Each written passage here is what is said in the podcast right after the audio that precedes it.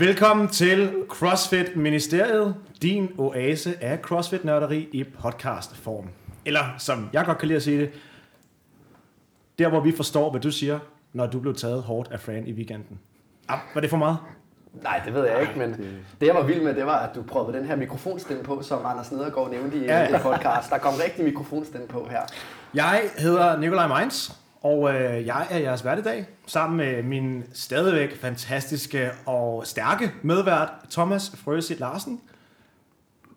Jeg, jeg skulle til at sige fire gange videos men det gider jeg ikke at sige mere, fordi det er sådan lidt ligegyldigt. Nu Ja. er det bare øh, 200 kilo back squat stærk. Det er lidt vigtigere, ikke? Det er meget vigtigere. Ja. Øh, vi er taget til øh, Aarhus. Vi er på roadtrip, og det er, øh, det er super fedt. Jeg er sådan, øh, bliver lidt forvirret, fordi øh, Jonas render rundt i baggrunden og filmer lidt. Jonas er her nemlig også. Men øh, vi, har sådan, vi er på podcast weekend, så vi får skudt en masse episoder her. Og så vi, øh, Jonas han har fri den her episode, og så er det øh, Thomas og jeg, der kører den. Og bølgerne går højt. Vi har lige skudt en episode øh, tidligere om øh, graviditet og træning, som sikkert er kommet ud på det her tidspunkt, hvor du lytter til det her. Og øh, vi er nu i gang med en episode, som vi kalder Box Crawl, øh, hvor vi har sat os ned og snakket med nogle øh, spændende gæster fra CrossFit Aros.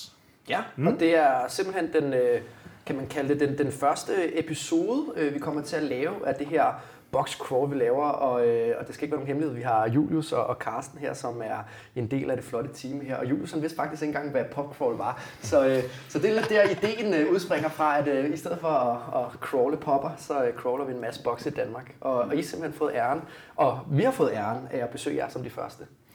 Inden vi springer til øh, vores gæster, så skal vi selvfølgelig runde, og det bliver, øh, det ved jeg ikke. Nej, nu var du ikke med i den sidste episode selvfølgelig, Thomas, men lad os, lad os lige tage den. Hvad er der sket siden sidst? Jamen, øh, siden sidst, der har jeg været inde og træne, og det var super fedt at træne i det her lækre gym. Og øh, ja, jeg ved ikke, om der er så meget mere at, at nævne her, fordi altså sådan, den her episode kommer primært til at handle om jer, og ikke så meget om, om os, hvis man kan sige det. Så jeg tænker, at, at øh, i morges, der kørte vi fra København af, mm. og øh, så tog vi, øh, vi bilen over, over broen, og så kommer vi ud i det her industrikvarter, hvor, hvor det her gym ligger, ligesom rigtig mange andre Du crossfit kunne faktisk ikke. Thomas, han øh, kunne faktisk ikke finde det. Han kørte lige forbi skiltet, hvor der stod Aros på, sådan med kæmpe bogstaver, fordi at på GPS'en der sagde det, at vi skulle ind den næste port. Ja. Så, så det ligger i et, et rigtig fint industrikvarter. Men inden vi begynder at snakke om jeres boks, mm. tænker jeg, at vi skal introducere gæsterne. Ja, lad os få gjort det. Hvem har vi med? Jeg hedder Carsten Jul Hackenberger nu. Blev lige gift i sommer, så jeg tog lige Hackenberger til mig. Og, og hvem er du, udover det? Jamen, jeg er så boksejer af CrossFit Ars. Øh, Jeg har så en partner, øh, som er min investor, så jeg driver stedet her øh, til daglig. Det er mit fuldtidsbeskæftigelse. Mm. Du må gerne lidt, nævne lidt om din baggrund, fordi det er jo ikke sådan, at det her det er den allerførste dag, du nogensinde har skulle til at sige, haft noget med CrossFit at gøre. Det er jo sådan ret OG i gamet, ikke? Ja, jeg er ved at være en gammel, en, en gammel rev, som man kalder det. Øhm, En masters, ikke? Ja, det er det. Nu er jeg også øh, Master. den, den unge kategori af master. Ja. Eller bare en gammel Øh, mand, eller Ja, hvordan? ja. Ja, vi sidder jo kun to her ved bordet, og de fire, der er i 20'erne stadigvæk, jo. Så. Ja, lige præcis. så, så nej, øh, nej, jeg har jo dyrket CrossFit mange år. Øh, var også øh, okay på et tidspunkt, dengang, hvor, hvor det ikke var så skillbaseret, hvor jeg også selv var lidt på øh, vores regionals-hold, jeg var oppe i CrossFit by the Mill, øh, hvor jeg lavede en rimelig god score i øh, 14.3. Det, er- den lever jeg højt på. Øh, Ja, den, var der, den stod i din uh, Den- Instagram, øh, sådan, ja. hvem er Carsten? Det er- Danmarksmester i 14 ja. Fordi det, det var bare ren råstyrke, ikke? Hvem var det, egentlig slog dengang? ikke? Hvad, Så, hvad, hvad, hvad var 14.3? Det var den, hvor man kørte 10 dødløft, 15 box jumps, og så steg den med 15 dødløft hver gang, og kiloerne de steg bare. Det var den, Det er tæt på det mest hjernedøde workout, Ja. ja. har været i åben faktisk. Den, den gjorde ondt lang tid efter. Det var en af, jeg tror, og det er ikke nu for at noget fra dig, men det er en af de workouts, hvor jeg tænkte, det er den dummeste open Ja, workout, lige præcis. jeg Og nogensinde har lavet. Ja, og det var derfor, den bare passede perfekt. Den flækkede seriøst ryggen på alle, den der. Ja, Uanset og jeg kørte den to gange, og jeg gjorde den bedre anden gang, så, og jeg kunne stadig mærke den fire dage efter. Så du er en god dødløfter. Ja, det var jeg. Var, jeg, var du? Ja. Men er det ikke sådan noget, man bliver bedre til med alderen? Får man ikke sådan noget gammelmandsstyrke? Ja, jo, men så har der været præget af lidt ska- skader, men dog ikke for dødløften, men det har været nogle andre ting, jeg har... Ja, noget, noget arveligt, øh, noget med diskusprolaps og, og, og sådan noget. Okay. Så, så derfor blev jeg lige sat lidt tilbage, og så plus jeg gik lidt mere over i øh, at drive mine virksomheder. Øhm, jeg startede CrossFit Sønderborg for mm. snart fem år siden, hvor jeg overtog det fra en, øh, en ung knægt, som, som var blevet gået hen og blive træt af at drive det. Øh, men han havde, ja, han havde kæmpet sådan lidt to år med at, at få de her medlemmer ind. Han var lige oppe runde 31 medlemmer på et tidspunkt, hvor, Okay. og så i to år, der tænkte han, så kunne han ikke rigtig mere. Så ville han gerne videre i livet. Og jeg så Det er sådan næsten helt uh, Dubai-forhold, synes jeg. Jeg, Ja. jeg arbejdede selv i en, en boks, hvor vi havde sådan noget 30-40 medlemmer. Ja, Ja, det var pisse præcis. hyggeligt, men Ja. ja. der er altså bare ikke særlig meget økonomi i det. Nej, det er det nemlig ikke. Og slet ikke, når priserne er lidt lavere herhjemme. Øh, medlemskabspriserne, Hvis man bare kun kan sige dernede. lidt lavere, ikke? Det er sådan en 4-5 gange lavere, ikke? Jo, jo. Um, så, så nej, det, så den øh, åbnede jeg der for, for disse mange år siden. Ændrede jo hans navn, fordi han havde jo valgt at kalde det det her cross-training. Valgt at, at, at spare lidt de her 3.000 dollars, det nu koster om året for at kalde sig CrossFit. Hvor vi blev hurtigt enige om, at hvis vi skal have CrossFit ud, så bliver vi nødt til at, at, at investere i den her, det her navn. Mm. Og så tog det også hurtigt fart, og så blev det sådan ret hurtigt populært dernede, og vi fik hurtigt mange medlemmer. Jamen, fra 31 medlemmer til hvad medlemmer så? 230. 200, ja okay, så det, Så det, er, en, det er en ja. rigtig flot stigning. Ja, så altså, det kom jo selvfølgelig ikke fra dag til anden, men det var øh, hen af de sidste 3-4 år, hvor, hvor, det, hvor det virkelig tog fart. Men man havde også et rigtig godt fællesskab dernede, og folk de var gode til at tjekke ind. Og, og igen, mund til mund. Vi brugte ikke rigtig noget reklame dernede. Jeg synes ikke, vi skal åbne den nu, men jeg kunne rigtig godt tænke mig, øh, når vi kommer lidt, lidt dybere ned i snakken, og, og tale lidt om, hvad det egentlig var, du gjorde, som, gik, som fik Sønderborg til at gå fra 30 til 230, for det tror jeg er rigtig øh, interessant snak. Men inden vi når dertil, skal vi selvfølgelig også høre fra vores anden gæst, som er trummevirvel. Jamen, jeg hedder Julius, øh, Julius Henry, og jeg kommer ned fra Sønderborg, faktisk øh, ned i den boks, som, som Bjarke Lorentzen han den, dengang lavede i 2012. Så der startede jeg i den 1. november 2012 med at forelske mig i det der CrossFit der. Og så øh, siden da, så, så efter et par måneder, eller faktisk en, nogenlunde sådan et halvt år, så begyndte jeg selv at undervise dernede. Og sådan en 16-årig dreng, der står og fortæller 35-årige ældre herrer om, at, hvordan de skal stå og lave dødløft og sådan noget. Så det var ret svært i det første år sådan lige at, at komme ind i hele den der trænerverden. Men siden så, så var det bare sådan hugt på hele sporten. Så du har simpelthen lavet CrossFit siden 2012? Ja, Du har faktisk lavet tro, vel? CrossFit. Nej, men det er faktisk ret sjovt, fordi der er mange, der tænker, når de ser nogen, der lige pludselig begynder at blive dygtig. Nu er du i starten af 20'erne, ikke? Er du ikke 22? jeg er tror jeg? 22, ja. Ja, og som, som begynder at blive dygtig, så tænker man sådan, okay, hvor kom han fra? Ikke? Altså, mm. du har lavet CrossFit længere tid, end jeg har. Mm. Altså sådan, jeg startede i 13. Mm. Altså sådan, det, det er ret sjovt at tænke på, ikke? Altså, øh, så, så alligevel, hvor du nået til nu, det har fandme også taget mange år. Du er bare lige de her syv år yngre end mig, ikke? Det er meget sjovt at tænke på, synes jeg. Ja, i løbet af den tid, så har jeg startet som sådan en lille gut på, på 60 kilo, ikke? og så nu vejer jeg jo så de der 83-82 kilo. Ikke? Så det, det er også sådan, man er også bare blevet halvanden høj øh, hoved højere, ikke? Altså, og blevet, altså jeg kan huske i starten, hvad, hvad, vi lavede PA i backsquat på 70 kilo eller sådan noget. Altså det var, jeg kommer tidligere fra en, fra, en, fra, fra svømmekulturen, øh, og har været på konkurrenceholdet, og så derefter så tog jeg og, og dykkede ind i klatring, som derefter så fra den ene dag til den anden, så gik jeg over til at lave CrossFit, fordi det simpelthen gav mere udfordring. Øh, Jeg synes, at den der varietet i, i, den, i, i træningsform, den er, den er utrolig tiltrækkende, fordi der er altid noget at arbejde på. Og, og hvis man er ydmyg og arbejder med sine ting og arbejder med sine svagheder, så møder man ikke andet end, end, end medgang. Altså. Og det er også det, jeg ser ved medlemmerne herude. Altså, det er nok det, hvad der driver mig mest i hverdagen, det er at få folk til at have den samme følelse, som jeg fik dengang, da jeg startede til CrossFit. Og sige, ah, det skulle sgu da en mega fedt, at kroppen den er bygget til at, til at lave alle de her ting her. Kunne døde for 200 kilo og kunne gå, gå på hænder. Altså, hvad er det for nogle andre sportsgren, der, der tilbyder det? Altså, Så hvis jeg må komme med en indskydelse, så lyder det lidt som om, at du er, øhm, du, du er en, en lille smule anderledes i, som hvad skal man sige, 22-årig, der har været crossfitter i lang tid, forstået på den måde, at du er lige så interesseret i øh, coaching-elementet og hele øh, box- og trænergærningen, medlemselementet. lad os kalde det den, ikke? Altså, Hvad siger du? trænergærningen, Ja, det er med at, at, Ja, at følge personen. Ja. øh, hvor, hvor mange andre, der har været i den her sport i lang tid, øh, bliver meget grebet af konkurrenceelementet, og det her med at træne hårdt og, og leve atletlivet, kan man sige. Ikke? Mm. Fedt. Men du er også head coach her, hvis man kan kalde det det. Ja. Hvad er din Det- funktion så som head coach? Så lige nu så står jeg for, for alt, det program, øh, alt det program, det bliver tilrettelagt øh, for alle de workout vi har. Fordi vores, øh, vores program det, det bygger på, at vi vil gerne gå tilbage til det originale CrossFit, hvor det hedder Workout of the Day, og så det er det, vi bygger ud fra. Og så har vi så, øh, vi besluttede så, at vi tog, at vi lige uger, så har vi hver onsdag, kører vi så en aktiv rest day i form af, af de maskiner, vi så nu har tilrettelagt os. Øh, Vi har jo mulighed for for fanden at køre køre en mikro på et 16 hold med mands hold, ikke? Altså, hvem kan det i Danmark, ikke? Altså, Jeg vil gerne lige indskyde, inden vi, inden vi begynder at, at, øh, at dykke ned i det her. Altså, den her boks, da vi kom ind af dørene her, der, der, der blev jeg sådan, jeg blev fuldstændig målløs og kiggede rundt og tænkte, what? Eksisterer det her i Danmark? Altså, det er, nu, nu nævnte jeg, jeg har arbejdet nede i Dubai der, og der er nogle rigtig, rigtig promiskuøse gyms dernede, som er, der har smidt rigtig, rigtig mange penge ind i deres projekter. Og jeg troede, at det var noget af det ypperste, man kunne få inden for, for, for træningscenter, men det er altså fedt at se, at det kan man altså også få, og plus måske faktisk lige lidt notch op mm. øh, her. Og det, det må jeg virkelig tage hatten af, for det, det troede jeg simpelthen ikke eksisterede i Danmark. Og det, Jamen, altså, vildt. det første punkt egentlig, altså, det er sådan lidt mere måske en fast struktur, vi kommer til at lave med de her episoder. Øhm, og som sagt er det den første, så jeg tænker nu, hvor jeg er omkring det, så kan du prøve at beskrive lidt, øh, hvordan boksen ser ud, fra man træder ind ad døren. Ja, Carsten, hvor mange meter er det, vi, vi snakker om? Vi snakker Så vi har 40, 40, meter, 40 ikke? lang, 30 bred, så Ja. 1200 kvadratmeter. Og så hele boksen bygger op på, at vi har to holdsale, men der er altså slet ikke nogen vægge im- imellem, så der er udstyret, som adskiller de forskellige områder. Så har vi, øh, vi har cirka 20 meter gange, øh, hvad er det, 15 meter til en holdsal, og så har vi så et øh, kæmpe stativ, øh, hvor der så står håndvægte og kettlebells og warballs.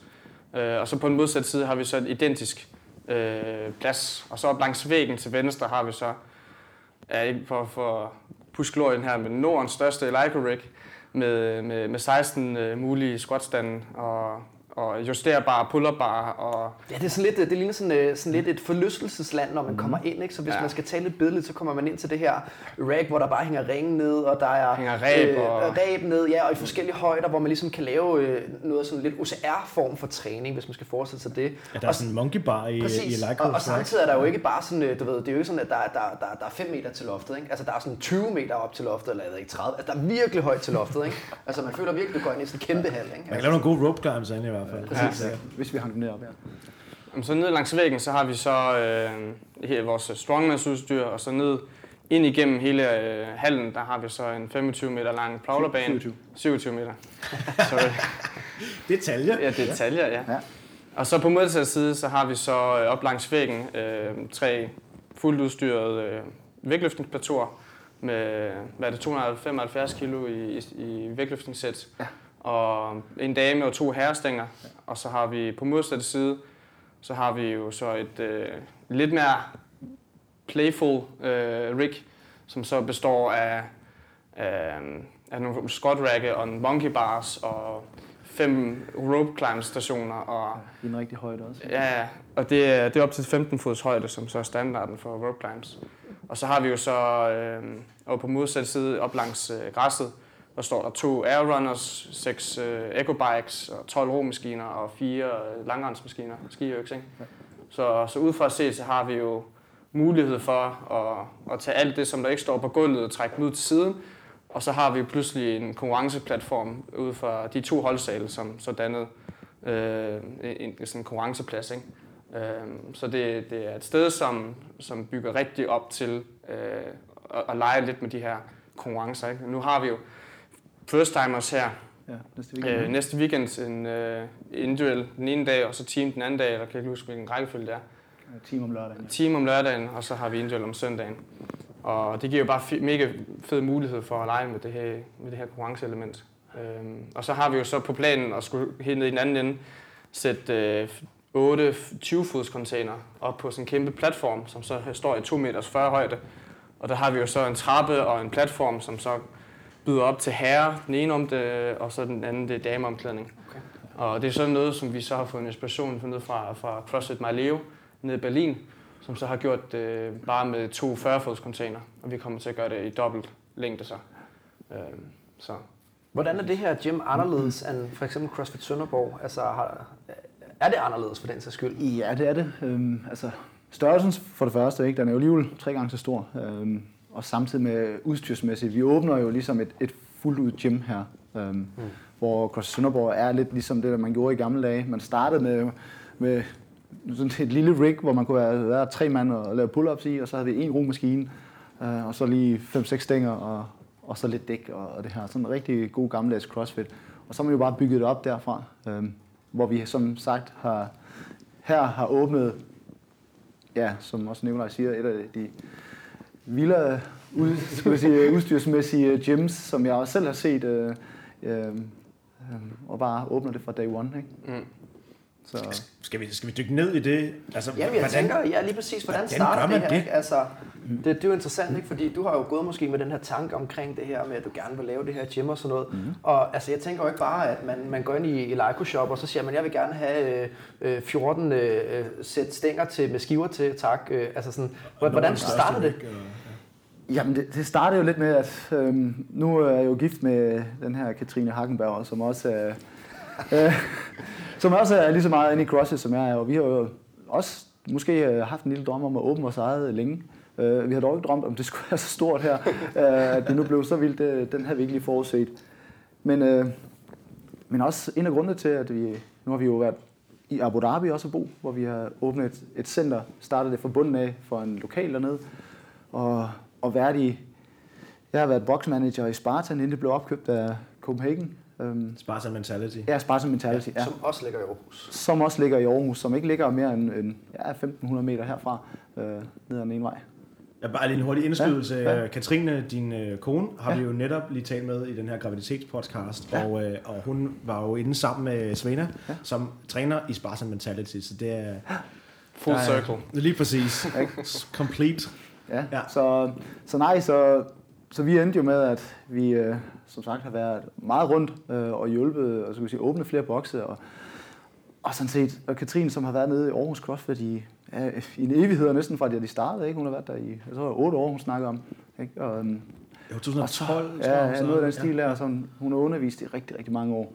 Jeg har Og så har vi jo- repræsenteret dem til regionals flere Ja, ja, gange, ikke? så jeg har ja, været ikke? ansigt ud til også. Ja, nemlig lige præcis. Ikke? Så vi har jo tit snakket om, at nå, hvis vi skulle have vores egen sted, ikke, så, så tager vi jo selvfølgelig det gode fra diverse bokse, ikke, og, og putter det ind, og, og så tager vi det, som vi er uenige med, med de andre boksejere om, ikke, eller hvor vi tænker, det, det her fungerer måske ikke så godt, men det her det fungerer virkelig godt. Ikke, og så har vi prøvet at se, om vi kunne få det hele ind i, i én boks. Kan, kan du tale lidt om, hvad det har været for nogle ting? Ikke fordi, der, der skal puttes nogle navn på eller noget, som- men hvad, er det, hvad for nogle ting tænker I, der ikke fungerer så godt, og hvad for nogle ting synes I, der fungerer rigtig godt? Ja. Jamen altså de steder i, altså det, det er jo igen det her med, når det bliver så stort, ikke, så er det jo svært at overskue en hel boks på én gang. Det her med, at folk de deler folk op i kasser, det er sådan lidt for mig øh, sådan fitness world Du går ind i en kasse, laver dit øh, show, og så går du hjem. Hvor jeg gerne vil have det her med fællesskabet. Jeg elsker at møde nye mennesker, og så snakke med dem og bruge tiden på det. Øhm, det her med, at jeg har fået sat øh, receptionen faktisk ud i selve boksen, og jeg stå, kan stå på min arbejdsplads, stå ved, og, og med min skrivebord og min computer og sidde og lave de ting, jeg skal.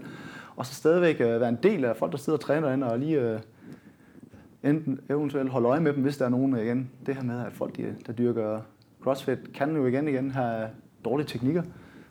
Så har er jeg set altså, det, det, det, ikke? så har jeg også tænkt mig nemlig, ikke? og så går jeg ned til dem, og så siger jeg, der kan du lige gøre sådan og sådan. Ikke? Øh, For der vil jeg virkelig også gerne være på. Øh, Det lyder lidt sådan også, ja. altså jeg sidder og tænker på ordet nærvær. Altså Ja. sådan, øh, sådan det her med, at, at, at man har, og tilgængelighed faktisk, ikke? Nærvær og tilgængelighed, ikke? Ja, præcis. Ikke? Det er jo det, er det her med fællesskabet, ikke? Øh, konstant øh, fællesskab. Ikke? Og Så det- folk, Det er især sådan folk, der laver open gym på egen hånd, så man kan sidde og, og overvære en lille ja, smule. præcis, ikke? som jeg ikke har jeg kan sige, magten over, når, jeg, når de ikke er på hold. Ikke? Så kan man altid gå hen og hjælpe dem der. Og hvis der er nogen, der for eksempel har spørgsmål, så kommer de jo bare hen og spørger mig, øh, hvis jeg skal være bedre til, øh, til, til den ene eller anden øh, gymnastikøvelse, eller hvad skal jeg fungere her, jeg får lidt ondt i lænden, når jeg laver det her, eller hvad det nu kan være, ikke? Så, så kan man gå ned og hjælpe dem lidt. Det er det, der i hvert fald var meningen med, med, det, med det store rum her. Hvordan, hvordan nåede I så til øh, sådan den skal man sige, udstyrspakke, som, øh, som står med? Altså selvfølgelig skal et stort rum udstyres. Ja, lige præcis. Men, Men, nu øh, har vi også øh, rimelig godt og dyrt udstyr, og, og det spiller bare. Men det har jo det ville aldrig nogensinde kunne lade sig gøre, hvis jeg ikke har haft en investor indover. Øhm, så min partner, han har jo været med til det hele. Øhm, Er og han vi har, aktiv nede i gymmet? ja, meget. Han er på hold hver dag. Øh, Det er jo helt fornøjelse. Han også er en del af det. Øh, ikke? Og og alligevel, som sagt, som jeg sagde til ham i starten, at kan godt være, at han leverer pengene, men han skal ikke, øh, han skal ikke blande sig i, hvordan jeg driver centret. Vi kan godt arbejde sammen, og han kan komme med nogle gode idéer, men hvordan man driver det, det, det er der, min ekspertise er. Mm. Ikke? Og, og han er jo mega talnørd, og han, han laver jo sådan set alt det, hvor man faktisk hader som boksejer. Det, det er det her med betalt skatter og, hvad skal sige, alle de her, jamen, alt det her administrative, som, hvor, hvor os som, som virkelig brænder for at undervise og være en del af et CrossFit-liv, øh, at jeg ikke skal bruge tid på det, fordi så vil jeg ikke kunne være derude så meget, som jeg er. Mm. Øhm, så det er jo helt perfekt. Det er jo derfor, det er en perfekte match, øh, må jeg sige, hvad det angår. Og så, ja, vi snakkede om, om skulle det være Rogue, skulle det være Leico. Vi vil lige så godt åbne noget, som er med noget lækker noget. Rogue, de er så store nu, at øh, der er ikke noget at hente, hvad det hedder, øh, procenter. Ikke? Hvis, de er, hvis man er heldig, så kan du få en Rogue t-shirt med, øh, hvis du køber for halvanden million eller to millioner. Hvor vi øh, igen øh, mødte Mads, ja, nu kender jeg Mads øh, Østergaard over for Kronen, som er sælger for Leico. Ham har vi også haft med Ja. i et podcast. Ja, lige præcis. Ikke? Så, Der var han glad for at fortælle, at øh, man bare skulle skrive til ham, hvis man skulle øh, have i like. Ja. så, så det, er jo, det er jo mega fedt, at uh, Leica også er med på den, ikke? fordi de vil jo også gerne ind i det funktionelle træningsverden. ikke? Og, Jamen, det, er jo, det er jo faktisk interessant at se, at lige præcis at Leico er blevet meget mere repræsenteret i CrossFit-verdenen Ja. ja. øh, her de sidste... Nu, har, nu er I åbnet, og øh, Trinity Trinity Gym i Training Brøndby. i Ja. Brøndby er lige åbnet, og vi har et andet i... Er det Aalborg? Ja, Aalborg? CrossFit Er det North, ja. North har, er også deroppe, ja. Ja, lige præcis. Ja. Så det er altså et, et mærke, som prøver at tage konkurrencen lidt op med Rogue. ja. Og det er også for fjollet at lade være, skulle jeg til at Men sige. de ikke? har, Så- selvfølgelig, de selvfølgelig. har også nogle andre tiltag, som jeg bare er helt kæmpe fan af. Så nu, nu kan vi sige, at vi har jo været det første, der har adjustable pull-up bars her. Vi har jo rigtig mange crossfitter og nybegyndere, som, som ikke er særlig høje.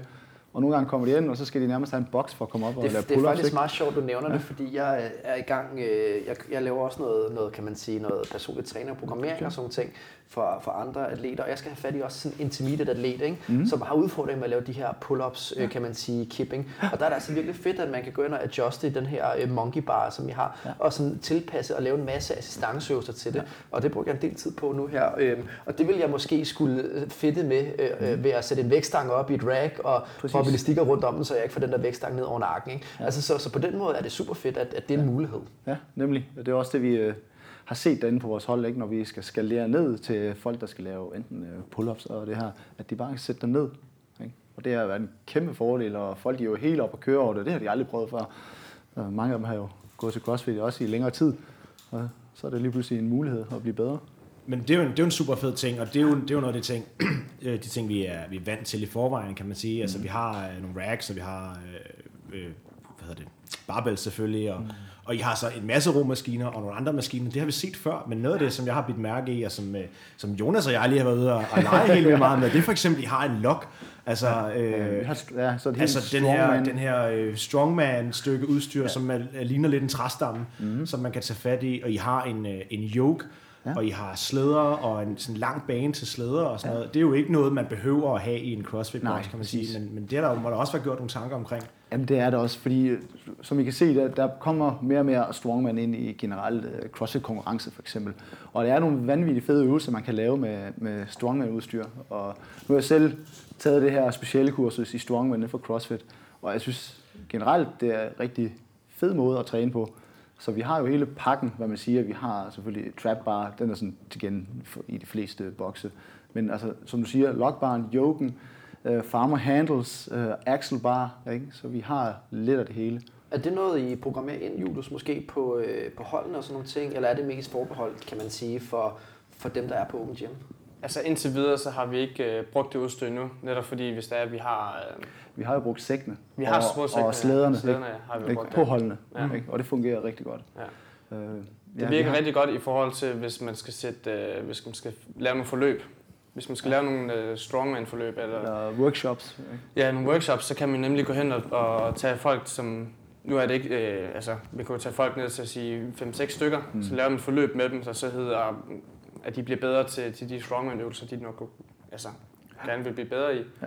Øh, Altså sådan en slags personlig træning. øh, Ja, præcis. Ja. Og det er jo det er igen, som Carsten gerne vil, øh, jeg tror gerne, han kan sige, at det, det vi leverer, det er ikke bare det er ikke bare CrossFit, som, som, som alle andre steder, men vi prøver også at give det ekstra skud, så det vil sige, at vi, vi kunne godt tænke os at, at udforske hele den der small group training, øh, PT i verden, Øh, netop også fordi, at vi har nemlig det ene, som så hedder fra, fra 0 til 16 mands hold.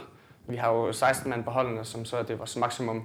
Fordi vi har vurderet, at i forhold til alle andre steder, så synes vi 16 det virker som rigtig godt og fornuftigt antal. Det vil jeg faktisk også nemlig have spurgt jer om her, fordi det er nemlig forskelligt, hvordan man gør det. Ikke ude inde i Butchers Lab, som vi, vi er, det, det, det, kan vi jo ikke frigøre os fra, det er jo vores rødder, ikke? og der er der jo free for all, mens at et andet sted, hvor jeg underviser meget, ikke? Der, øh, i Puls 180, der er der max 18, ikke? så det er meget sjovt at høre, at de har valgt antallet 16, ikke? som er Ja. det, der fungerer. Jeg tror, jeg tror faktisk, at Butchers Lab er nok en af de eneste øh, bokser tilbage, nærmest over, som jeg kender til, som ikke har nogen begrænsning på holdene, ja. fordi det er en af deres uh, trademarks, kan man sige, men, men alle andre steder er det blevet nærmest altså almindeligt, at man, man Der har er jo fordele og ulemper ved det, ikke? Altså, vi har bare vurderet, at de ulemper, de er jo bare større end fordelene. Øhm, og, og sådan som vi ser det, hvis folk, fordi vi er et sted, som bare er sådan lidt mere lukrativt, og folk betaler lidt ekstra i måneden, øhm, så forventer vi også, at medlemmerne, de skal, de skal også kunne være, og de skal også kunne føle, at de bliver set. Øh, og, og medlemmerne indtil videre, de har ikke følt andet, end det at være personlig træning hele vejen.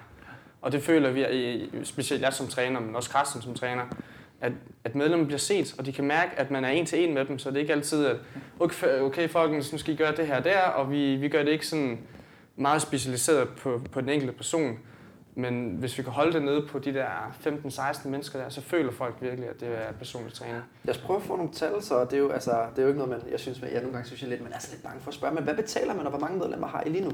Jamen det ved jeg, det er det Carsten nok. Øh, Jamen altså, vores månedlige abonnement er 499, så det er jo ikke, øh, fordi det er vanvittigt dyrt. Og jeg stod og med. Julius tidligere, han sagde, at abonnementet er jo lidt dyrere. Ja. Ja, ja, jeg tror, Jamen, det, det, er, det, er, det, det, er også vigtigt at fortælle nemlig, i stedet Det for at stå her og være så ja. bange for at fortælle, at Jo, man er jo, lidt jo, dyrere. Men det er jo igen det? herovre i Jylland herovre, der er de også lidt mere bange for at betale det lidt ekstra, ikke? Ja, det er fordi de ikke kender så meget til det.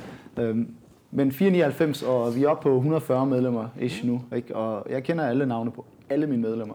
Øhm, Og det er, har jeg også øh, min øh, ja, intention om at kunne alle navne. Mm. Så jeg kan sige, øh, hej Sonja, Det er Hej, meget god Christian, stil. ikke? Dengang jeg var gymnasielærer, der, kunne jeg, Ja. altså, der havde jeg otte klasser, så jeg Ja. kunne sgu ikke alle navne på. Det må jeg, sige. jeg skulle give dem karakter, det er jeg her. Ikke? Så, Sorry.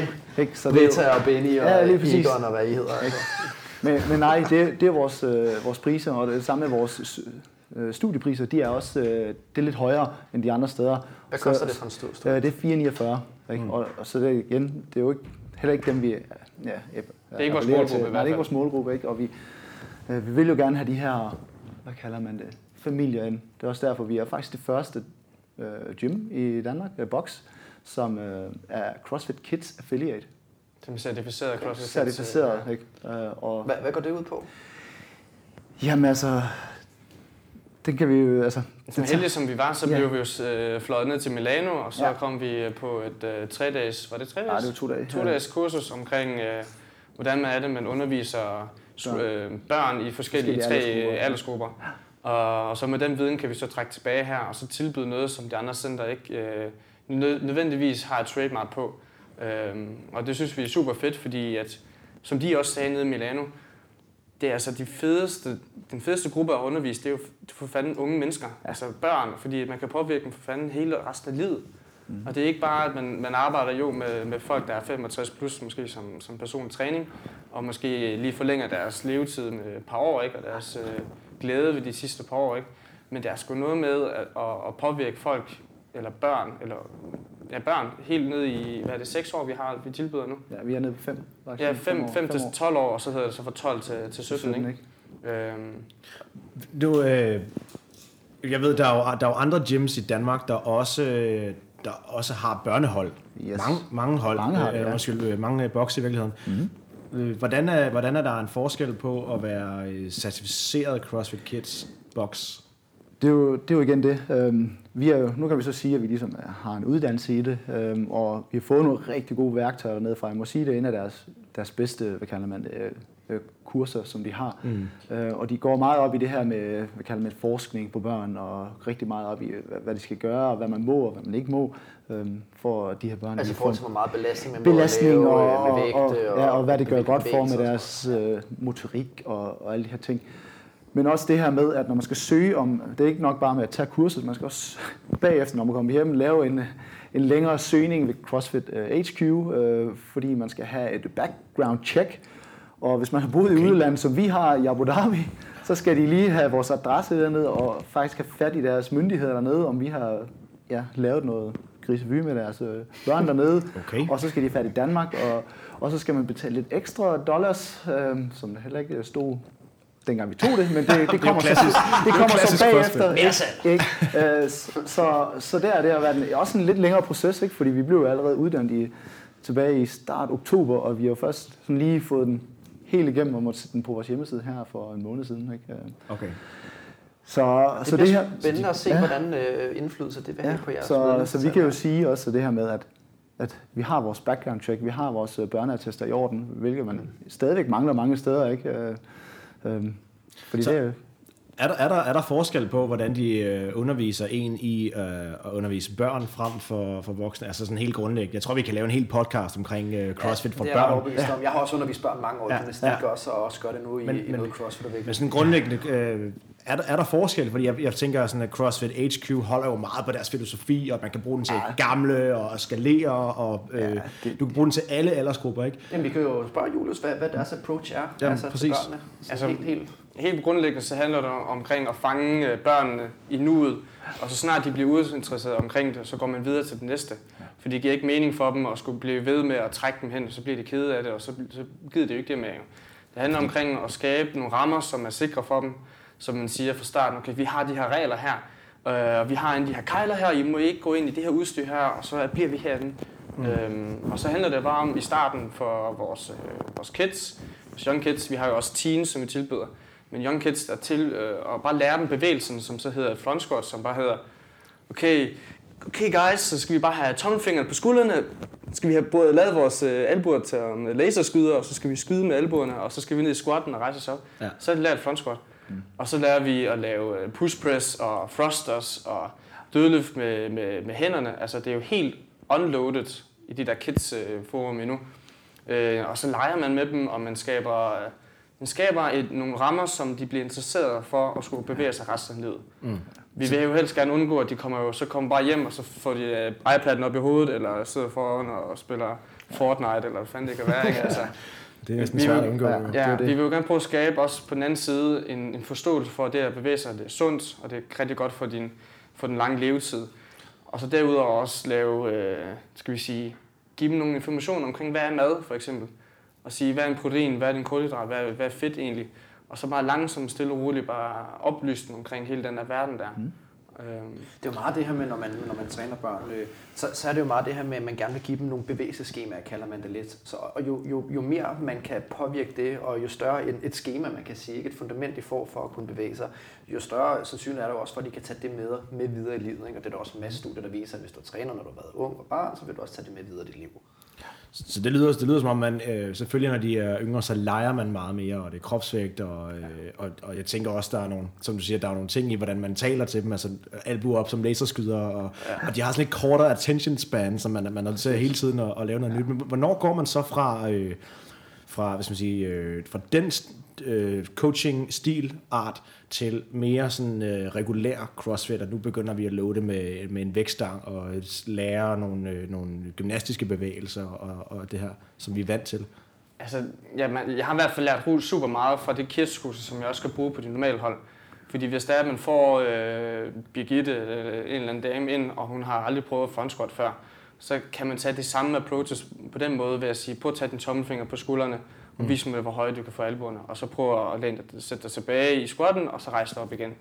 Altså, der er jo mange af de ting, vi lærte på kidskursus, at det kan blive bragt over i, den, over i de her normale klasser. Mm. Øhm, så det er ikke kun til kids og teens. Øh, tværtimod Nej, det er faktisk. Også mange af lejene, ikke? Altså, Ja, præcis. Folkene, altså, skal sige, helt almindelige voksne, de går jo helt amok, når der kommer leg på, på opvarmning, ikke? Altså, de går helt tilbage, og de synes bare, det er det sjoveste i hele verden. Mm. Øh, når du ser en ældre herre på 50 år øh, lege ståtrold-agtigt, ikke? Ja. Så, Det, det er jo ikke anderledes end, de, de opvarmningsting, som, som jeg selv bruger, når jeg underviser. Nej, det er jo bare sådan noget, sådan noget gøjl, man lavede, ja. da, man var, da man var knægt, og folk kommer herned og synes, det er skide sjovt, ikke? fordi at, øh, at man, det er bare sådan lidt, lidt legeagtigt. Men på et eller andet tidspunkt, så begynder træningen jo også, kan man sige. Ja. Ikke? Øhm, Altså, altså, så der er en, der er en, altså hvis du får, hvis du får voksne mennesker ned, kan du ikke lege i en team, som du gør med børn. Nej. Så på et eller andet tidspunkt, så, så er der jo en overgang, for man går fra, til Det må komme børn til... prøve. Ja, jo, altså, Men selvfølgelig. altså, det er også Øhm. derfor, vi bruger den jo kun til lige en, en lille opvarmningsleje, så man lige har lidt gang i ledene. Ikke? Jo, jo, men selvfølgelig, men, men, men hvornår, kan man sige noget om, hvornår man så... Altså, I sagde, I havde teenagehold også, har I det? Ja. Op til 17 år, ja. Så, så Okay. 12 til 17. Der leger man lidt mindre, formoder jeg, Ja. og, og træner lidt mere. Ja, ikke? præcis. Ja. Der bliver de også mere loaded i, i bevægelserne. Selvfølgelig så skal vi jo tage bevægelsen først som fokus, og så øger vi modstanden, mm. som tiden nu går. Men det er jo ikke Øh, anderledes end at undervise alle mulige andre. Nej, præcis. Og, og vi, vi vil gerne behandle dem også som voksne teensene. Fordi der er mange af dem, de vil jo gerne pludselig se lidt ældre ud, og de begynder at få lidt dun over næsen her, og- eller under næsen her, ikke? Og, Og så over næsen. Ja. Er på monobryn og helt bedst. ja. Så nej, det går ned i... Men på den måde og- vil vi gerne også bare møde dem på øjenhøjde, øh, og, og, og møde dem som, som, som unge voksne mennesker. Ikke? Øh, Altså min, mine personlige erfaringer, som jeg, øh, kan man sige, øh, skældner mellem de to grupper, det er jo, at, at øh, når du har med børn at gøre, så er du pædagog, mm. og når du har med teens at gøre, gøre så er du mere underviser. Ja. Og selvfølgelig er det jo en kombination af begge ting, men, men den ene vægter bare mere i forhold til, hvad alder man er. Ikke? Ja. Øhm, og jeg ved godt selv, hvad jeg bedst kan lide, men øh, det behøver vi ikke at snakke mere om, skulle jeg til at sige. Men, men, men det kræver virkelig noget tålmodighed, og det her med at være god til at snakke i billedligt sprog, øhm, og være meget ja, sådan pædagogisk anlagt i forhold til at kunne... Øh, hvor meget opmærksomhed skal du give en i forhold til hinanden, ikke? Altså, jeg har jo på et tidspunkt haft et barn, du ved, komme op og sige, jeg er autist! Og så brugte jeg jo nærmest øh, 54 minutter på ham resten af tiden, mens jeg havde 17 andre. Ikke? Mm. Altså, så, så det er virkelig, altså, der skal man virkelig være dygtig som underviser. Hvornår skal man gøre det, og hvornår skal man gøre det? Ja. Mm. Men øh, for at vende tilbage til det, der, der startede den her CrossFit Kids-snak, det var noget om, øh, om målgrupper. Ja. Øh, og, jeg, og det betyder så, at I, I, I sigter efter familierne, så I har øh, selvfølgelig ja. kids til, til ungerne, og så ja. lidt ældre øh, folk går jeg ud fra. Og, Ja, lige præcis. Det er, det er også mere mindet på, at folk, der faktisk har børn, og de kan bruge undskyldning på, at jeg skal passe børnene, hvor de faktisk kan tage dem med herned og faktisk komme og træne, mens deres børn er på hold, hvor vi nærmest passer dem med at ja, uddanne dem og skulle sige, uh, lege lidt med dem. Uh, så det er lidt en uh, babysitning, mens de, uh, mens de træner. Ikke? Har I lavet sådan et område for børn herinde? Øh, hvor, Ikke endnu, fordi Nej. som vi mangler stadig vores, vores øh, lækre badefaciliteter. Øh, De er ved at blive bygget nu. Øhm, Så det er jo et større projekt. og det er da nogle fine skurvogne, I har holdt herinde, synes jeg. Ja, ja, jamen, så længe de er rene, ikke, så er de stadig uh, flottere end de, øh, de fl- fleste. Og jeg var, jeg var meget imponeret, der var både bade og, øh, Ja, ja, der er masser af Det er bare, det er bare en, en, sådan en, øh, hvad hedder det? Ikke sådan en skide Roskilde, Roskilde, ja, Roskilde. Nej, nej, nej, det er, det er virkelig flot. Så, Hvordan, øh, det er sådan en- personlig ting, jeg, jeg, jeg godt kunne tænke mig at, at undre mig lidt over. Sådan, når, man, når man starter sådan en boks her, så starter man jo fra nul. Ja. Altså, hvad, hvad er strategierne for at få folk ind i huset? Altså, hvad, hvad, hvad gør man sig af tanker? Og det også vender lidt tilbage til det der med at bygge en boks op fra 30 til 230 medlemmer. Hvad, Men altså, det starter jo lidt med, at man generelt sådan snakker lidt med folk, fordi vi jo ikke bare startede det, fordi og nu vil vi bare starte. Det er jo fordi, at man har været et sted, hvor folk de har været utilfredse og det her. Så begynder man at snakke lidt med, med dem og, og tage de ting til sig. Hvad, hvad, er det, hvad er det, de egentlig klager over? Hvad, hvad er det gerne... Øh, hvad er det, hvad er lige præcis det her med, at nu har de klaget over det her. Nå, men det, så, hvis jeg skal lave en boks, så skal det jo ikke ske her. Øh, nå, men hvad klager de over her? Nå, men så skal det heller ikke ske her. Så først bygger jeg sådan lidt op på den her måde her. Så hvis jeg skal lave noget, så skal det i hvert fald være umuligt for, for nogle folk at, at klage over lige præcis det her. Øhm, og så er det jo, man går videre med, at så skal jeg jo finde noget af det vigtigste. Det, der faktisk er den vigtigste indtjeningskilde, det er jo ens coaches. Øhm, så må man jo ud på jagt, og så ude og Stille. ja, stjæle lidt og, og snuge lidt, ikke? fordi man, altså, nu, som sagt, vi kan jo ikke kun være det bedste på udstyr, vi bliver også nødt til at være de bedste på, øh, på coaching-siden. Så der var man rundt og, og kigge lidt og, og, og prikke folk på skuldrene. Hvad er, hvad er dine ambitioner øh, og alt det her? Ikke? Mm. Så- Og så, så fandt du en, en gut ved navn Julius. Ja, jamen, jeg, fandt, øh, jeg fandt øh, både Julius og så vores øh, fjerde coach, som hedder Nikolaj, som er oppe for Aalborg. Det er jo et godt navn. Ja, lige Han præcis. må være Det, det, det, til, han er bare... Altså, jeg vil faktisk sige det sådan, nu er jeg jo også ved at bevæge mig i den retning, øh, hvor jeg begynder at, at kalde mig professional coach. Det lyder simpelthen så åndssvagt. Øh, da men, men, nej, men det her med, at du faktisk gør det til en levevej, at du faktisk, at CrossFit for dig, når du formidler og underviser, er ikke bare at formidle og undervise. Det handler også måske at give noget læring øh, videre. Ja. Det handler også om, at dem, der kommer til dig, de bruger den dyrebareste fritid. Det vil sige, de har fri fra arbejde. Hvad fanden skal de så lave? De går ikke ud og løber en tur. Så nej, det tænker jeg, jeg tager sgu ned den her CrossFit-boks, Ja. for måske at blive glad og bruge min fritid tid. Den dyreste bare tid, man har. Ikke? Præcis. Øhm, og, og der er det altså bare vigtigt som coach, at man tager det her seriøst. Ja. Fordi hvis du giver dem en dårlig oplevelse, så går de hjem og har en dårlig dag. Eller mm. hvis du giver dem øh, en dårlig vejledning, så går de hjem og får en skade. Så man, altså, der, der kan jeg godt lide, at, at I trods alt har den her approach, og det er jo super personligt for mig det her, ikke? Men, men at man faktisk øh, mener, at der er værdi i at være en dygtig øh, formidler eller underviser. Jeg synes, det er en øh, super interessant snak om, øh, omkring øh, coaching her, og det øh, synes jeg, vi skal, vi skal dykke meget mere ned i. Men inden vi gør det, så er deres tid... Øh, jeg brøvler. Lad os lige tage en lille øh, kort pause. Vi skal nemlig have noget kaffe. Uh. Hej, jeg hedder Carsten Jul Hackenberg, og du lytter til CrossFit Ministeriet. Hej, jeg hedder Julius Christian Henø, og du lytter til CrossFit Ministeriet. Velkommen tilbage. Vi øh, sidder her i CrossFit Aros i øh, Aarhus.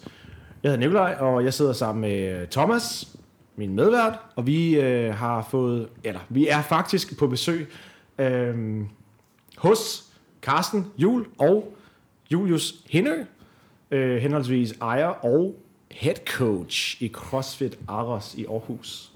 Vi snakker om, øh, om boksen. Ja, og, og når du siger boksen, jeg tror faktisk, der er en ting, og nu, nu håber jeg, at jeg kan huske vores samtale her fra første halvdel, men CrossFit Aros, altså nu nævner du navnet. Ja, navnet.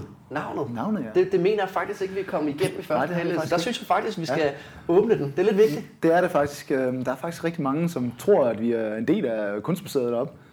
Der er jo noget andet i Aarhus, der hedder Aros, Der, ikke? præcis. Jamen alt, vi Ja. har, der er jo maler, der hedder Ars, der er et sikkerhedsfirma, der hedder Ars, der er låsesmed, elektriker. Hmm. Der er jo rigtig Secret mange. Society. Ja. Og så er der mange, der tænker, de har jo kun hørt om det her kunstmuseum.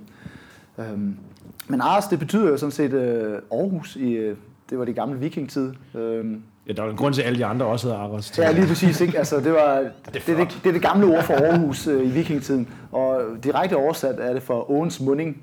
Ikke? Og vi ligger jo ved, ved Åens Munding. Øh, jeg har vi jo mm. sunget lige derude. Ikke? Stor å. Ja, stor å. Så, så i stedet for, at vi skulle til at kalde os et eller andet øh, crazy crossfit... Øh, CrossFit Metal og ja, sådan noget. metal, øh, Metalize. Ja, ja. Ikke? Så, så heller noget, der CrossFit, lidt, I kill you. ja, noget, der betyder lidt for, for, for Aarhus. Ikke? Og Ars, det er jo, en, det er jo bare Aarhus. Mm. Så, så derfor blev det... Det var faktisk min partner, der lige slyngede den ud, for vi stod og snakkede om navne.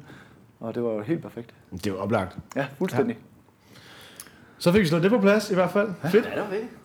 Øhm, vi kom fra en snak omkring øh, coaching. Og gode coaches, som, øh, som er en del af ens kvalitetsstempel. Ja. Og du har været ude og, øh, og høre dels øh, Julius, som er en kompetent ung mand, der har været i gamet i, i mange, mange år. Øhm, hvad, hvad, hvad gør I for at opretholde en, øh, en god standard inden for, for coaching her?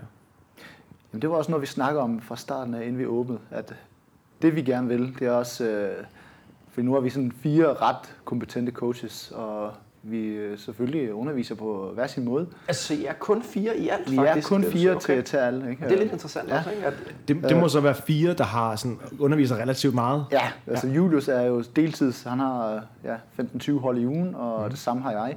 Øh, og så har vi Nikolaj, der har en, en 7-8 hold, og så Katrine, der tager, når hun øh, nu har fri.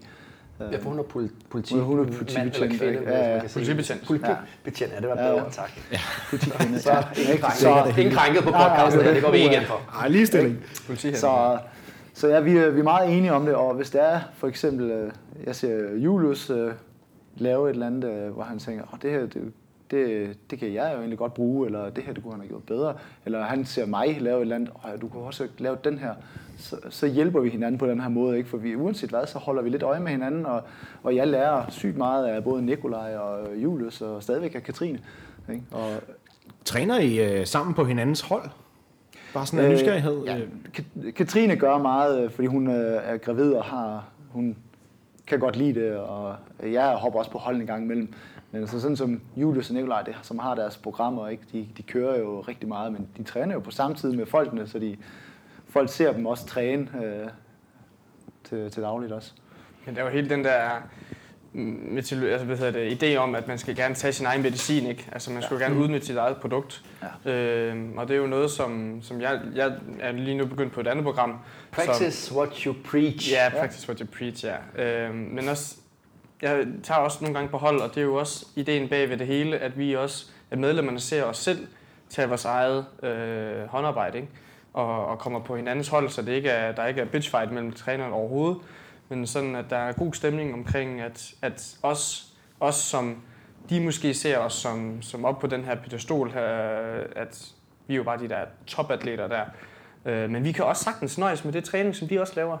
Og det er jo, det er jo bare en anden grad, vi så arbejder med, ikke? Altså. Det var faktisk en, det var faktisk en snak, vi havde i, i bilen på vej herover det her med øh, lead from the front, ikke? og lead by example. Altså hvis, hvis, øh, hvis du laver et program, men du bruger al din egen træningstid på at gå og lave noget andet, så, så kan man jo godt forstå, hvorfor folk måske skulle tænke sådan, hvor, hvorfor skal jeg så lave det her? Altså, så, ja. så, så vil folk jo gerne lave det, du laver, fordi det må være det bedste, siden det er det, du gør.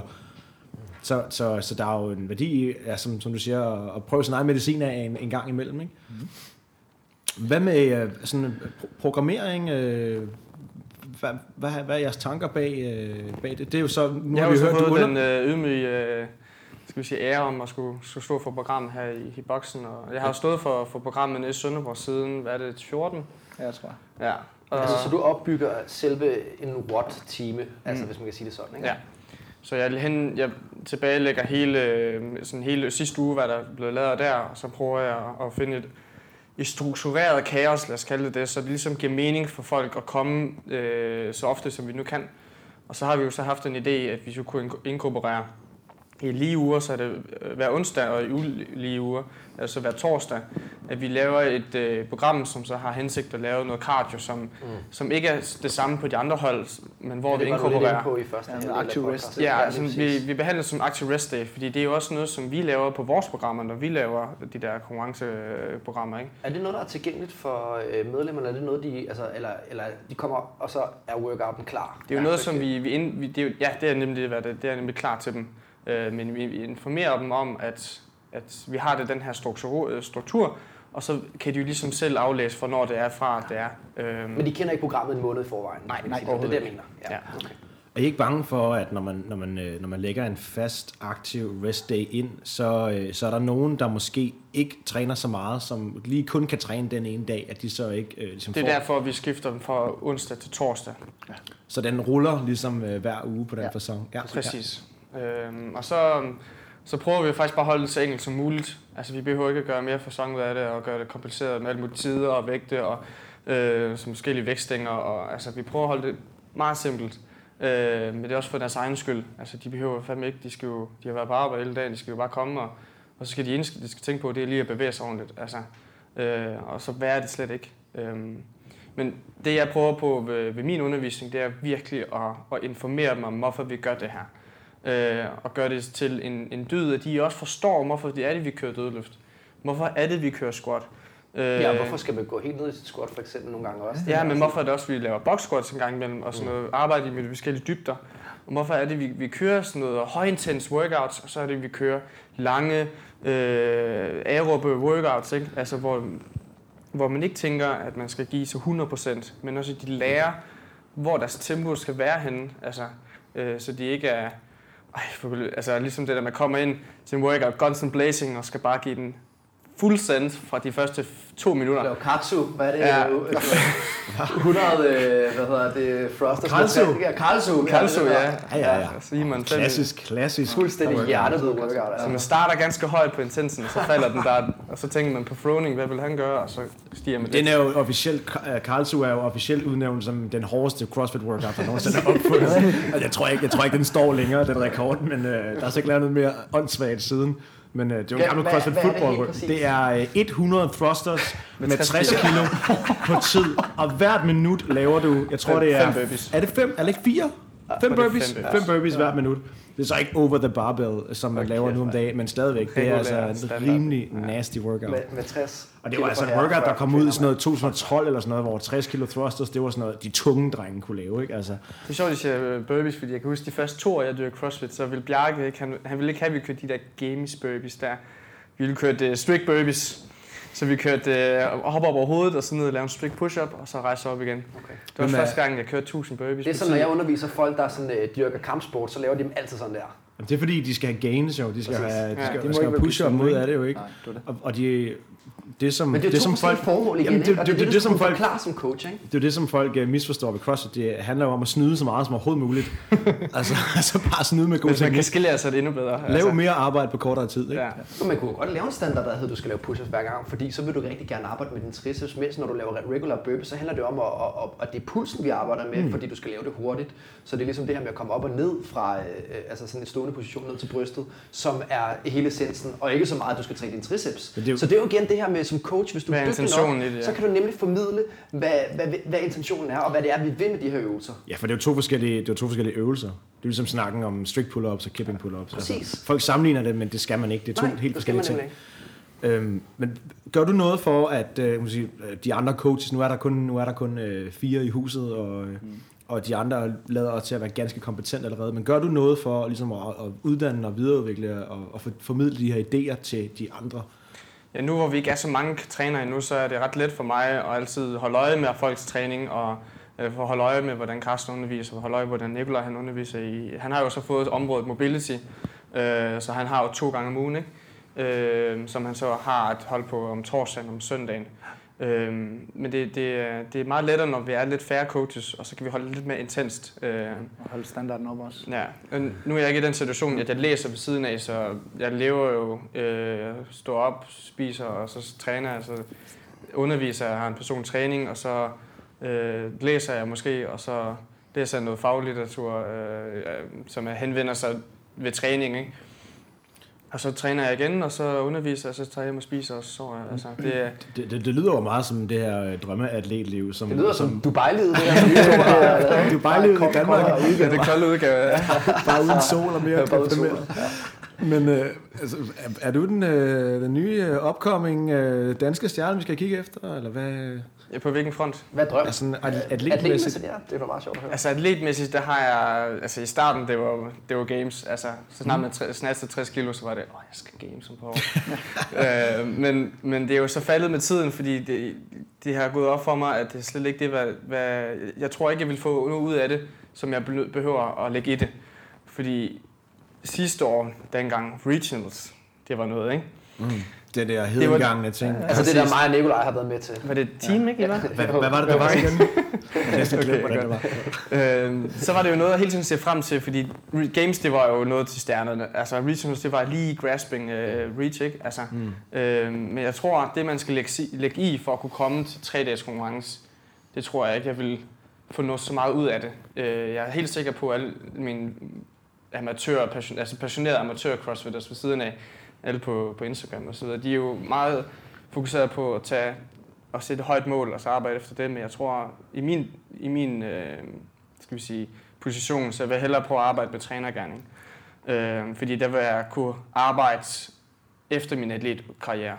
Og det er jo noget, jeg, altså når jeg, når jeg er 30, skal jeg sige, at jeg har 15 års erfaring inden for CrossFit-undervisning. Mm. Det er ikke nogen, som der kan, når man, er, når man starter og underviser som, som 15-16 år. Ikke? Mm. Øhm, og det er jo egentlig det, jeg gerne prøver at skabe nu her. Jeg fik et lille, et lille indblik i, i den verden ved at og var, jeg var nede i, øh, nede i Dubai og besøgte øh, André Houdet øh, Mhm. på, fra Innerfight. Som jo i PT, i, mens vi sidder her, er ved at smadre tingene fuldstændig nede i Fittest in Cape vi Town. Ja. Lægger en træ- træer, ikke? I uh, Fitters of Cape Town. Er Jo, gående ind i sidste dag. Ja, Ja, der er selvfølgelig resultater ude og alt muligt, når vi er færdige med den her podcast. Præcis. Men det er vi i hvert fald lidt op at køre over lige nu. Ja.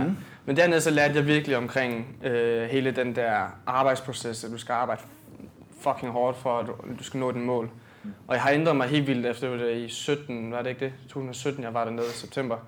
Øhm, og siden da har jeg bare ændret mig i min arbejdsproces. Altså, øhm, Altså som træner, altså Men eller også- coach, ja, eller, præcis. eller også? ja, men også, men også at arbejde for det, hvad man gerne vil opnå. Og Hvad, det vil hvad er sige, forskellen så? Hvad, hvad er det? Det lyder som om, der er kommet sådan et point of no return for dig, efter du har været der. Jamen, jeg skulle, helt, jeg skulle stille mig selv et spørgsmål, om jeg skulle starte med at læse til læse øh, idræt, eller til fys, eller hvad Mm. nu jeg gerne vil. Øhm, og så bagefter det, så, så blev jeg bare taget i det der CrossFit-verden, fordi det er det, det, er, det, er, det er det, jeg gerne vil lave. Og, og det er måske det, jeg gerne vil resten af livet, og Mm. måske er min ambition at blive en af verdens bedste CrossFit coaches. Altså, det må man gerne sætte sig selv for, fordi hvis du ikke når det, så nåede du alligevel meget langt i forhold til. Men du kan jo også gøre begge ting, ikke? Altså jeg sidder også sådan lidt i samme mm. position som dig. Jeg er bare de der øh, syv år ældre og har været øh, atlet og har også taget den der uddannelse som idræt, ikke? Ja. Så jeg, jeg, vil jo, jeg sidder jo lidt på den anden side her og er lidt provokerende nu måske og siger, du kan altså også godt øh, måske kombinere tingene, hvis, hvis du får Det er, systematiseret det, skal, ikke? det er skam også det, jeg prøver på lige nu her, fordi jeg er i gang med at lave comeback efter noget sygdom og har, tabt noget 8 kilo crossvægt. Og nu er jeg på bare tilbage igen, ikke? Øh, og jeg ser jo stadig, stadigvæk en stærk kombination, fordi det kræver jo også, at du, op, at du, du får jo kæmpe meget øh, erfaring fra hele den atletverden, og hvordan det du skal øh, være til konkurrencer, og er der noget forberedelse, hvad er det, du skal gøre mentalt. Hele den der proces, den er jo super vigtig at kunne give videre, hvis det er, du ender med at være personlig træner for en upcoming øh, CrossFit-atlet. Øh, som jeg har nu, jeg er også personlig træner ved siden af, og har øh, 5-6 øh, klienter, og, og en af dem er jo en 14-årig dreng, som, som er bare, han bevæger sig skide godt, og han har den mentalitet også, så den skal vi jo altså blive ved med at arbejde med. Og så er det hele sådan den der ongoing proces der, og se hvor det egentlig fører en hen, ikke? Man kan jo også, man kan også sagtens øh, få sejrene igennem sine, øh, sine klienter. 100%, altså, ja. hvis, hvis, du hjælper, hvis du hjælper en til at, øh, at komme til øh, skulle til at sige regionals, men øh, en sanctionals og måske klare sig rigtig godt, så er det jo også en, en personlig sejr for, for en som træner, i og med at man har dedikeret så meget af sin tid Præcis. til det, ikke? Fedt, mand. Øh, nu, nu kommer vi bare lige kort ind på det, og vi skal, vi skal stille og roligt til at, at runde af her. Øh, men men øh, en ting, som nu sidder vi lige her, øh, ja, hvad er det, halvanden måned, måske en måneds tid, før Open. Og det er bare sådan en ting, som altid øh, er lidt interessant at se, hvordan kører man Open i, øh, i en boks. Hvad, hvad, har I nogle planer for det nu? Ja, altså vi vil jo gerne, som sagt, fokusere lidt mere på det her fællesskab her. Så det er jo, det er vigtigt for os også at, at prædike lidt om det her Open, fordi mange af vores øh, medlemmer, de, de er faktisk nye øh, inden for CrossFit-verdenen, og har aldrig nogensinde kørt Open. Jeg vil nok sige, at i hvert fald 80% af de medlemmer, vi har nu, det er jo, det er jo helt nye folk. Øh, Så vi vil gerne lave lidt hygge og noget event ud af det, sådan så folk de virkelig får en god, en god oplevelse fra det, og faktisk føler, at okay, det kan jeg sgu godt være med i, øh, selvom jeg er 55 eller 58. Ikke? Øh, øh, så vi, vi er i gang med at planlægge os lidt ud af, af det her med, skal vi sige, sige, lave nogle fede events ud af det. Nu har vi lige First Timers næste weekend og nogle andre events, som vi lige skal overstå også. Så, men øh, gør det rigtig hyggeligt, og, fordi jeg ved, hvor meget folk de giver sig lige det ekstra her for, for at få en god score. Fedt, Folk, der behøver ikke nødvendigvis at tilmelde sig, fordi Nej. Altså, men who for the fuck cares? Altså, Ja, præcis. øh, øh, nu om dagen ikke, fordi nu er der jo ikke noget at kæmpe for, udover den første plads i Danmark. Altså, og det kan jo godt være, at man har nogle vennegrupper, øh, som, som egentlig gerne vil være fælles om den her åben.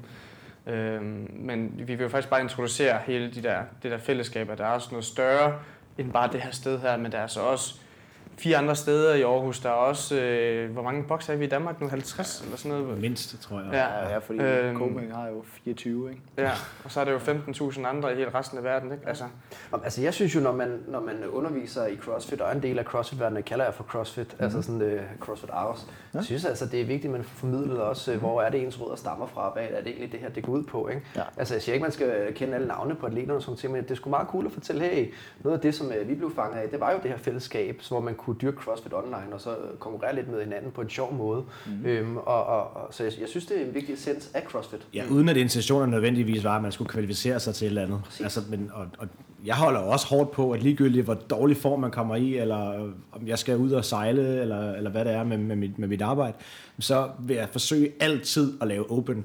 Altså, Jeg lavede og den det ligegyldigt, hvad for sidste år, lavede og der open, tog jeg mig sammen til at lave noget Ja. ja. fucking CrossFit, bare for, selvom jeg havde totalt ondt af mig selv, så fik jeg da træner. fordi det er, sådan en, Altså. det er sådan en ting, man bare gør, når man ja. er crossfitter, ikke? Fedt.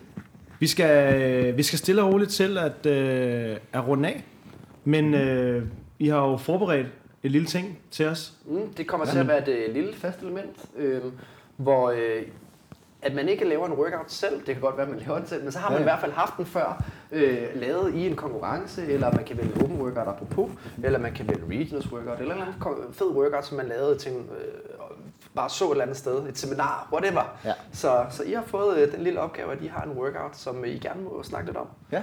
Som altså, det, kendetegner jer. ja, vi, øh, Det var egentlig bare et skud for hoften i virkeligheden, fordi Ja, fordi Øhm. det var sådan set til vores åbning, øh, der havde vi jo de her prøvehold, og der vi ville vi have en, en CrossFit Ars workout klar, som kunne kendetegne os. Øhm, så vi har en, en triplet, ikke?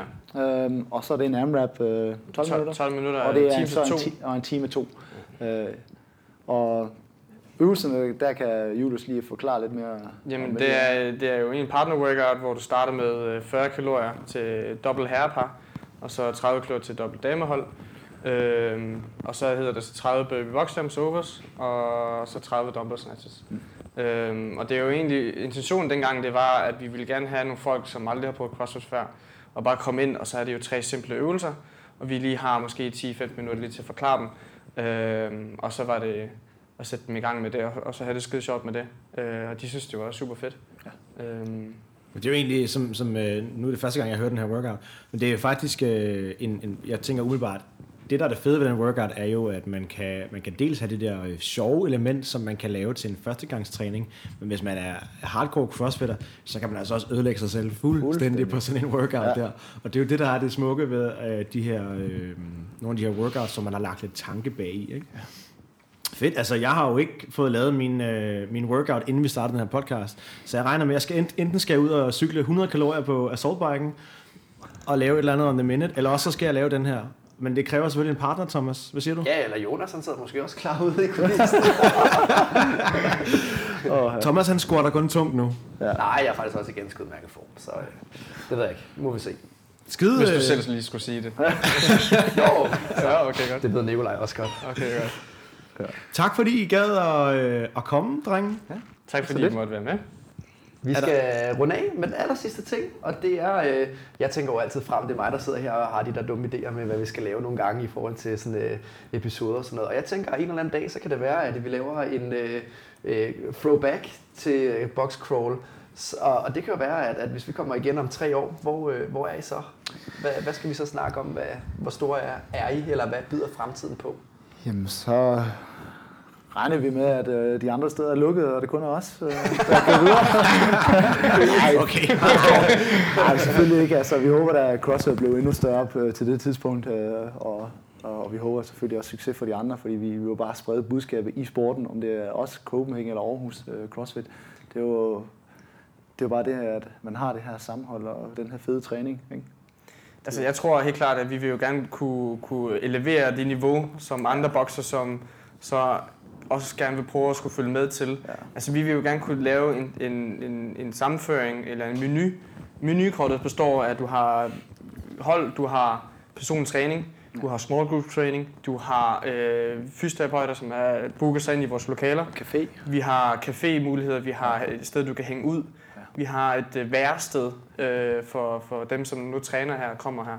Øhm, og så have et community, som støtter op og, og, omkring hinanden, og så et medlemstal, der måske nærmer sig 350-400 medlemmer. Ikke? Ja. Øh, fordi flere skal der jo så heller ikke til til at, til at køre det så rundt. Ikke? Øh, og vi vil jo gerne holde det på det der minimale. Og det kan jo godt være, at vi sætter et maksimum på hver x Ja, ja. 500 med, med, medlemmer, ikke? Men stadigvæk holde det intimt nok til, at vi kan kende folk. Ja. Øh, og jeg tror, det er vores målsætning. Ja. Det er også Bare derfor, det er, vigtigt, gamet, det er også altså. derfor, det er vigtigt, at vi ikke er så mange, og igen det her med, at vi er her øh, tit og ofte. Ja. Så det er ikke sådan, at øh, vi møder jer i, i en vi CrossFit-boks, hvor jeg har udvidet til CrossFit Ars 2 i Viborg. Nej, nej, det er ikke lige uh, CrossFit. Det er ikke lige planen lige forløb i hvert fald. Nej, præcis. Altså, øh, jeg tænker jo også personligt, øh, jeg prøver jo at komme lidt i form igen, øh, så jeg glæder mig til at komme over og deltage i en konkurrence herovre på et eller andet tidspunkt. 100 procent, Ja. ja. Hvor vi skal sikkert lave noget med nogle jokes og nogle logs, og Ja. det håber jeg da. Det kunne da være sjovt. Det Ja. var ja. ideelle rammer til Eller en rigtig, rigtig fed konkurrence. Ja, Ja. Eller rummen, eller eller. Skal du... Og hvis der skal speakes, så ved I, hvem man, øh, I skal ringe til. Ja, det er rigtigt. Ja. Ej, drenge, jeg vil sige øh, tusind tak for, øh, for en, øh, en fed snak. Vi skal lige øh, runde af, hvordan, hvordan kan man finde øh, jer og komme i kontakt med jer? Jamen, man kan google os, eller så er det jo selvfølgelig øh, på Du kan Facebook. finde ham inde på øh, 14.3 øh, leaderboarden Ja, på lige præcis. Med nummer Eksisterer, et. det, eksisterer det på den nye hjemmeside? Ja, det gør det. Ja, ja, ja, ja, helt sikkert. Nej, det skal jeg da lige have opdateret. Det går lige med. Nej. Øh, hvis I googler øh, Aarhus, øh, eller kan sige CrossFit Aarhus, ikke, så kommer vi selvfølgelig op der sammen med de andre også. Ikke? Øh, Lige efter Ja. Aarhus CrossFit. nej, vi kommer før. Eller, Okay. Ja, det Co- Copenhagen kommer altid før, sådan er det jo. Ja, Ja. Øh, selvom Det er det, ja.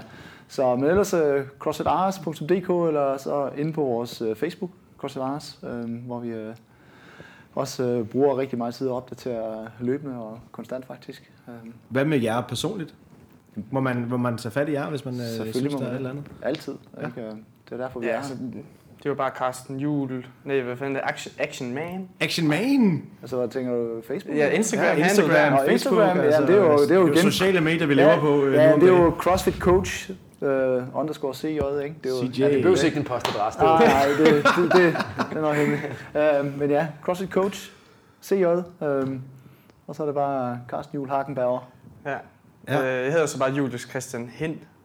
Så er det skrevet med småt derude i et. Med Christian med K, og så Hind bare H-I-N-D. Så, Kan man skrive ø på Instagram i sit navn? øh, jeg prøver at undgå det i hvert fald. Okay. Det Jeg har jo faktisk samme udfordring med Frøsi. Det er noget pis. Det er derfor, det er Fro 6. Det er Fro 6. Fro X, 6. X, Ja, Fro 6. XXX. Ligesom Tenacious, eller Ja. hvad han hedder, om det er XXX. Og jeg skal også huske selvfølgelig lige at minde om, at øh, hvis I synes, det er lækkert, det vi laver, så øh, følg os, anmeld os. Det kan man gøre både på øh, Facebook og på øh, iTunes. Og øh, vi accepterer selvfølgelig kun fem stjerner. Øhm, og hvis man øh, synes... okay, sagt med... Køligt igen. Ja, Altså. ja. Nej. Vi håber selvfølgelig, at I synes, at vores produkt er godt nok til fem stjerner. Og så er der sådan et, så har jeg, lavet, jeg laver sådan et hjerte øh, emoji, emoji nu. Og øh, selvfølgelig, hvis, øh, hvis man synes, det er så godt, at man giver os fem stjerner, så kan man også gå ind på, øh, på tier. Og øh, der har vi et link inde på vores øh, Instagram-profil. Og der kan man øh, vælge, hvor mange penge man har lyst til at smide efter os, og så, så betaler man for hver episode. Og det øh, er rigtig, rigtig lækker lille øh, hvad skal man sige, lommepenge til os for at hjælpe med at drive... Øh, Ja, og Vores bare- lille- bare altså ikke det er, bare- Det er lidt, det betaler for en brutur herover, ikke? Jamen, det er jo ikke, det er jo ikke, det er jo ikke bare romkugler ikke? til Altså- Thomas. Det, det betaler for, at vi har vores website kørende, for at vi kan udgive vores podcast, for at vi kan tage til Aarhus og lave det her. Vi vil jo mega gerne mere ud og rejse og lave de her rejsepodcast. Så please, help us out. Tak fordi I lyttede med. Vi ses.